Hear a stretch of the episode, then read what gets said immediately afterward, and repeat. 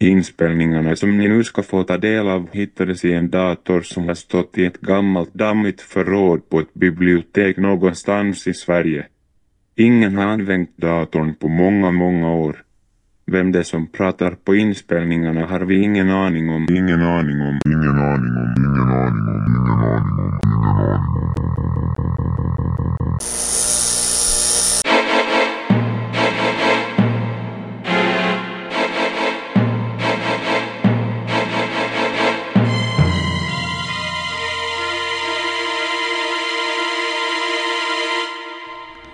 Gjorde en fruktansvärd upptäckt idag. Cirkusen har kommit hit. Det sitter affischer över hela stan. Det kan ju verka gulligt och kul på alla sätt. Men bakom fasaden av popcorndoft, skrattande barn och utklädda djur kan det dölja sig mörka hemligheter. Jag höjer ett varningens finger. Det är främst clowner och trollkarlar man bör passa sig för. För alla clowner är inte snälla och harmlösa. Och trollkarlarna gör ibland värre tricks än att trolla fram vita kaniner ur sina hattar. Våldsamma, vidriga trollkonster. Lyssna på mig nu. Tom Sleeman har skrivit ner många kusliga historier från sin hemstad Liverpool.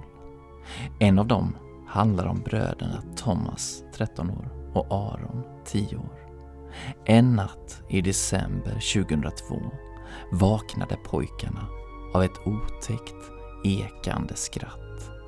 När de såg sig om i rummet fick de båda två syn på en halvt genomskinlig figur som stod i hörnet av rummet. Figuren hade en konformad hatt på sig och rödbrunfärgad clowndräkt. Clownen pekade på pojkarna och skrattade så mycket att han var tvungen att hålla ena handen för magen. Pojkarna tyckte att clownen såg elak ut. Hans rödmålade näsa var krokig och lång och ögonen var som stora svarta hål i ansiktet. Runt om honom fanns ett svagt grönt sken. Pojkarna tyckte att det luktade konstigt, unket och sött på något vis. Clownen vinkade till pojkarna. Då tog de mod till sig och sprang ut ur rummet. När de gjorde det skrattade clownen ännu mer.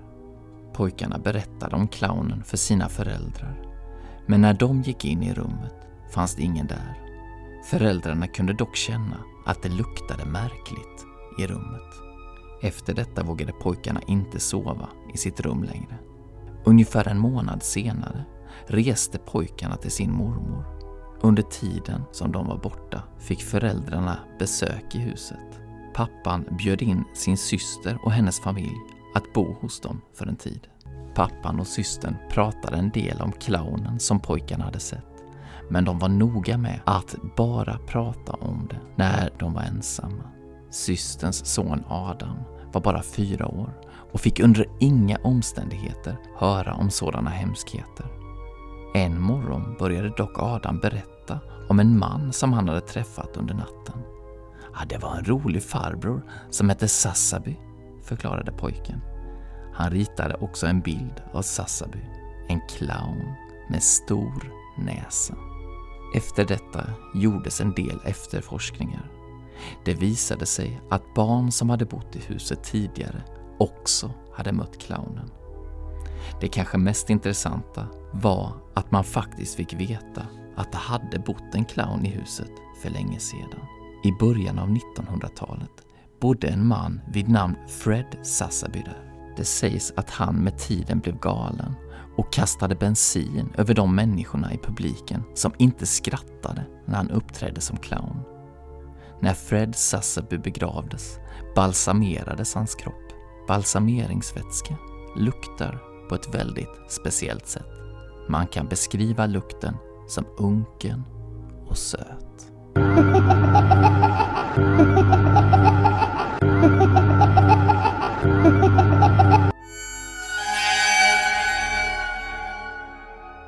I september 2004 kom Eric Dow och hans fru Cheris åkande i sin husbil någonstans i Iowa, USA. Plötsligt fick de se något märkligt framför sig. Där, mitt på vägen, stod mängder av Ronald McDonald-dockor uppradade. Detta skedde klockan halv ett på natten, men dockorna verkade inte ha stått där speciellt länge. En brandman som åkt förbi platsen bara någon timme tidigare hade inte sett dockorna. Morgonen därpå fanns inte heller något spår efter dockorna. Vem som ställt ut dockorna på vägen och varför är det ingen som vet. Kanske ville någon av någon anledning locka ut människor ur sina bilar. Eric och hans fru körde förbi dockorna utan att stanna. Det var nog tur för dem. En 14-årig flicka skulle sitta barnvakt hos några bekanta till hennes föräldrar. Pojken som hon skulle passa var fem år och väldigt snäll. När han berättade att han var trött och ville sova redan klockan nio kände flickan att det aldrig varit enklare att sitta barnvakt. Hon borstade pojkens tänder och bäddade ner honom i hans säng. Det visade sig dock att pojken var lite mörkrädd och flickan lovade därför att ligga bredvid honom tills han somnade. Men det ville sig inte bättre än att flickan också somnade. När hon vaknade var klockan strax efter tolv på natten och av någon märklig anledning kände sig flickan lite orolig. Hon som inte varit rädd för mörker på flera år kände sig nu kuslig till mods. Det som skrämde henne mest var en clownstaty i mänsklig storlek som stod i ena hörnet av pojkens rum. Clownen hade så otäckt stirrande ögon. För att lugna sig bestämde sig flickan för att ringa pojkens föräldrar och ta reda på om de snart skulle komma hem. Flickan tog upp sin mobiltelefon och slog numret. Det var pojkens pappa som svarade. Han var just i färd med att ta på sig jackan, berättade han. Om en halvtimme skulle de vara hemma. Flickan lugnade sig, men förklarade för pappan att hon kände sig lite orolig. Hon sa att den där stora clownstatyn skrämde henne. Det blev tyst i luren. Sedan viskade pappan med darrande röst. Ligg still, rör dig inte. Du är i fara. Jag kommer så fort jag kan. Vi har nämligen aldrig haft någon clownstaty. I maj 2001 flyttade Steven LaChance och hans tre barn in i ett väldigt gammalt hus i Union, Missouri. Huset var stort och det var allt som familjen någonsin hade önskat sig.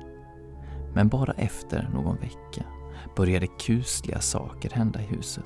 En skuggliknande skepnad började exempelvis dyka upp på olika platser i huset. Det såg ut som en krokig man som smög omkring.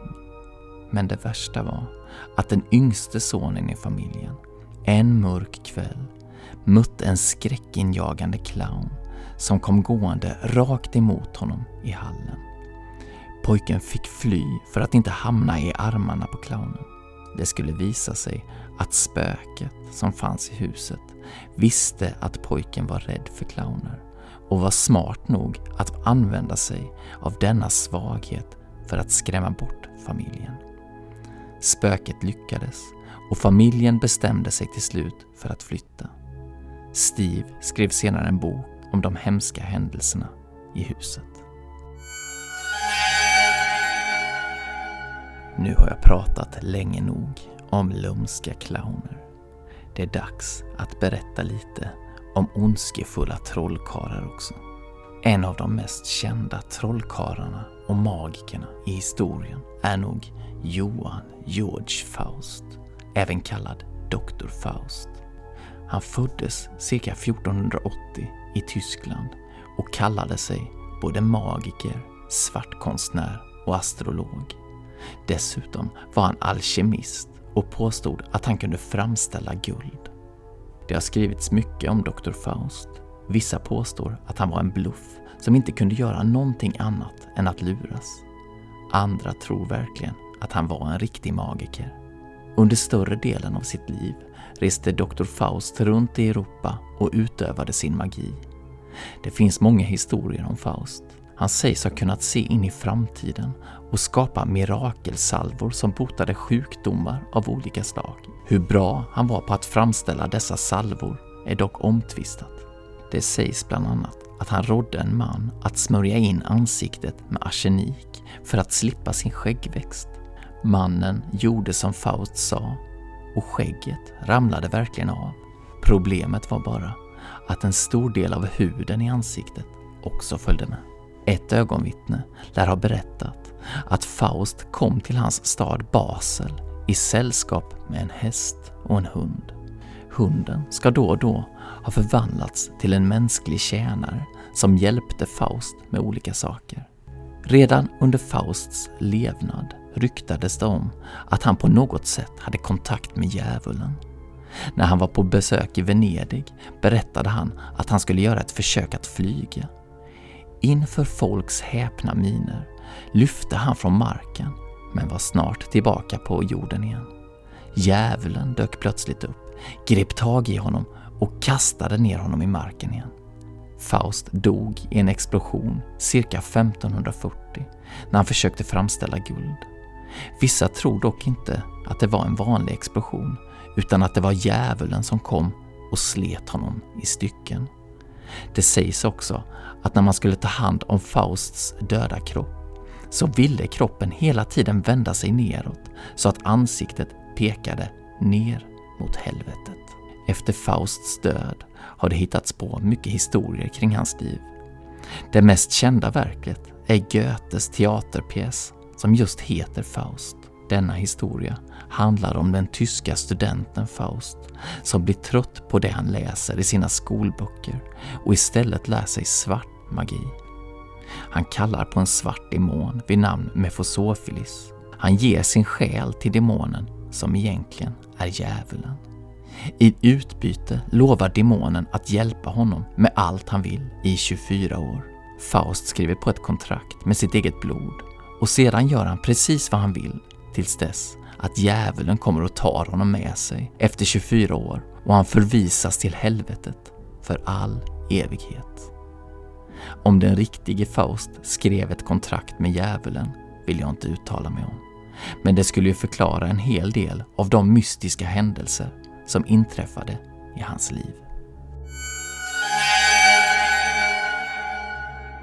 En man gick genom parken. Benny följde efter, men han höll sig på avstånd. Han smög från träd till träd. Mannen fick inte se honom. Mannen såg lite skum ut. Han hade svarta kläder, svarta skor, svarta byxor, svart jacka. Håret var också svart. Han hade hängt jackan över axlarna. Det var därför Benny följde efter honom. I fickan på jackan låg mannens plånbok. Den stack upp lite. Benny väntade på rätt tillfälle. Då skulle han rycka till sig plånboken. Det var så han fick tag på pengar. Eller så stal han dem från de andra barnen i skolan. Han hade aldrig åkt fast. Han var snabb i fingrarna och snabb i benen. Men vart hade mannen tagit vägen? Utan att Benny hade sett det var mannen borta. Nej, där var han. Han hade gått in på en stig. Nu stod han helt stilla. Som om han väntade. Hade han märkt att Benny följde efter honom? Nej, det verkade inte så. Mannen gick vidare. Det gjorde Benny också. De kom fram till en liten sjö. Mannen satte sig på en bänk och la ifrån sig jackan. Han satt där och blundade som om han njöt av solen men hans läppar rörde sig. Pratade han för sig själv? Jättebra, tänkte Benny. Skumma typer har ofta mycket pengar på sig. Mannen reste sig och gick ner till sjön. Jackan lät han ligga kvar på bänken. Nu, tänkte Benny. Benny rusade fram och tog plånboken. Precis då började änderna snattra. Mannen i svart vände sig om och Benny rusade iväg. Kom tillbaka, ropade mannen. Kom hit, kom hit. Benny trodde att mannen skulle följa efter honom. Han tyckte att han hörde steg bakom sig. Men när han vände på huvudet såg han att mannen stod kvar vid sjön. Benny kunde inte låta bli att skratta medan han sprang vidare. Han hörde hur mannen ropade. Kom tillbaka! Kom hit, kom hit. Men det tänkte Benny inte alls göra. Benny stannade inte förrän han var långt borta från mannen. Han öppnade plånboken. Där fanns bara 30 kronor. Det var inte mycket. Han tog pengarna och kastade plånboken. Då föll det ur någonting på marken. Benny tog upp det. Det var en biljett. En biljett till cirkusen som hade sitt tält nere vid torget. Benny hade sett affischerna. Biljetten gällde till kvällens föreställning. Han tittade efter plånboken. Det kunde ju finnas fler biljetter. Då kunde han sälja dem. Men han hittade inte plånboken. Han hade kastat in den i en buske. Nu var den borta. Okej, det spelar ingen roll. Han gick hem. I fickan hade han en biljett och 30 kronor. Den kvällen tänkte Benny gå på cirkus. Men ska jag det, tänkte han. Det kunde ju hända att den där mannen i svart kom dit. Fast han hade nog inte hunnit se så mycket av Benny nere vid sjön. Om Benny tog på sig andra kläder skulle mannen aldrig känna igen honom. Och mannen var säkert inte där. Benny hade ju hans biljett. Kom hit, hade mannen ropat. Benny skrattade när han tänkte på det. Bennys mamma och pappa visste inte att han skulle gå på cirkus. De trodde att han skulle vara hos en kompis. Det var mycket de inte visste om honom. Folk stod i en lång kö framför det stora tältet. Benny trängde sig förbi kön och kom före de andra. Men han gick inte in i tältet. Först ville han se sig om lite.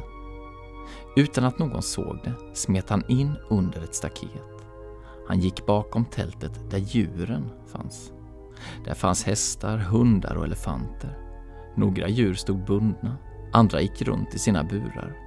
Där fanns även sjölejon och vanliga lejon. Lejonen verkade slöa, som lejonen i en djurpark.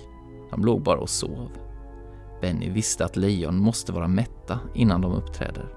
Då var de inte lika farliga. Men det här var ju bara fånigt. Med så slöa lejon kunde vem som helst leka djurtämjare. Benny hittade en sten. Vakna, ropade han. Upp med er! Vet ni inte att ni ska vara farliga lejon?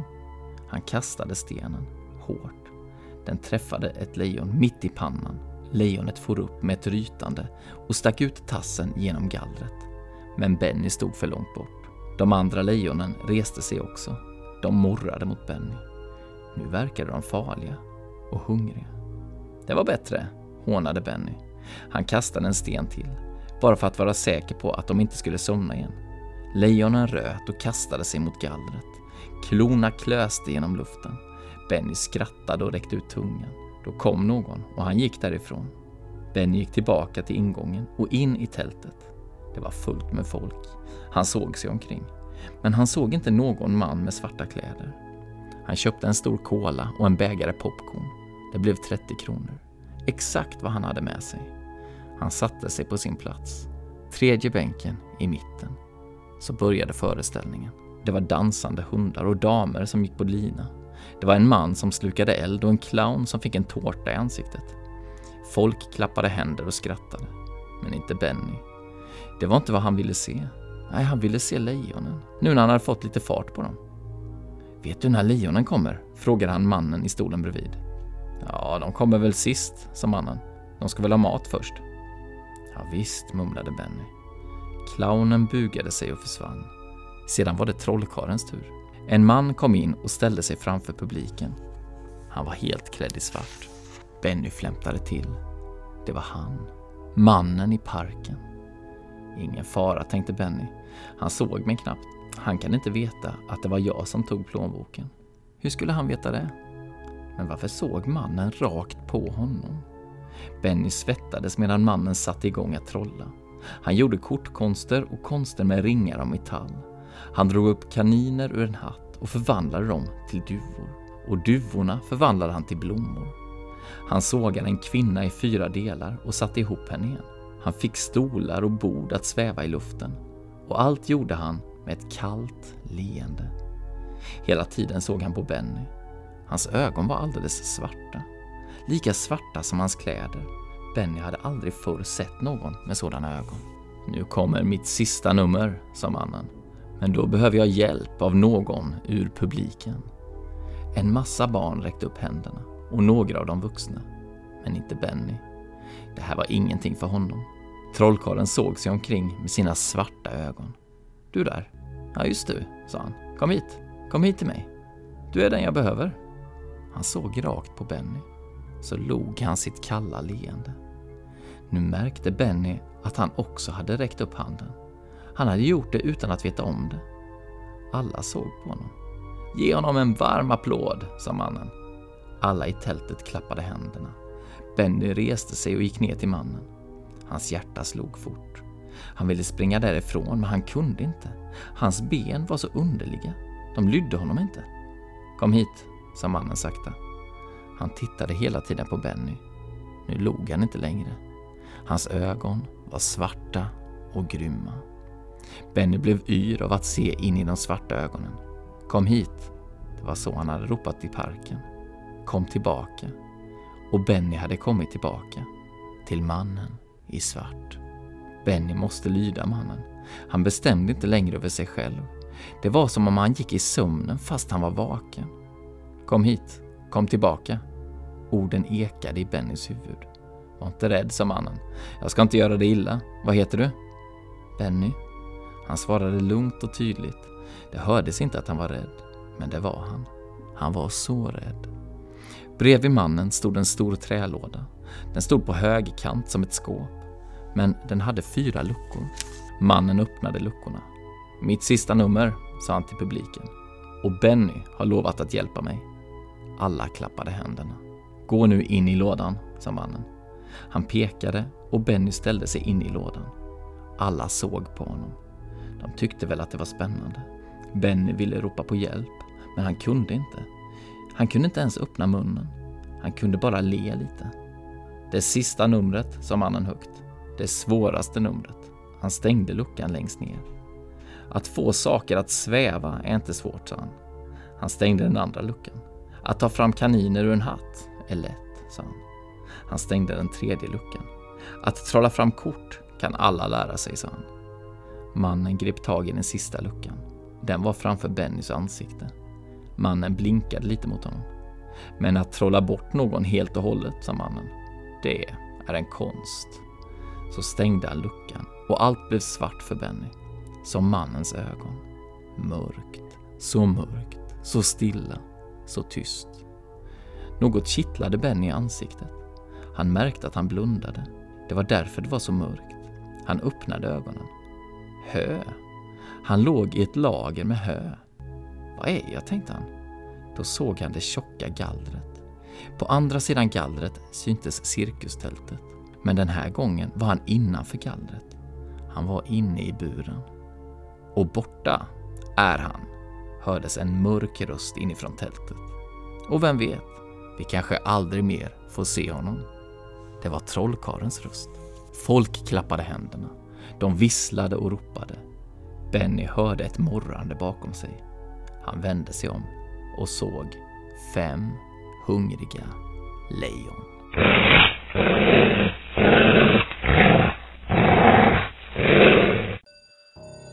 Vi får väl hoppas att lejonen blev ordentligt mätta så att de kunde göra ett riktigt fint framträdande sedan. Det var allt för den här gången. Men till nästa gång. Ondskan finns där ute. Så håll ögonen öppna.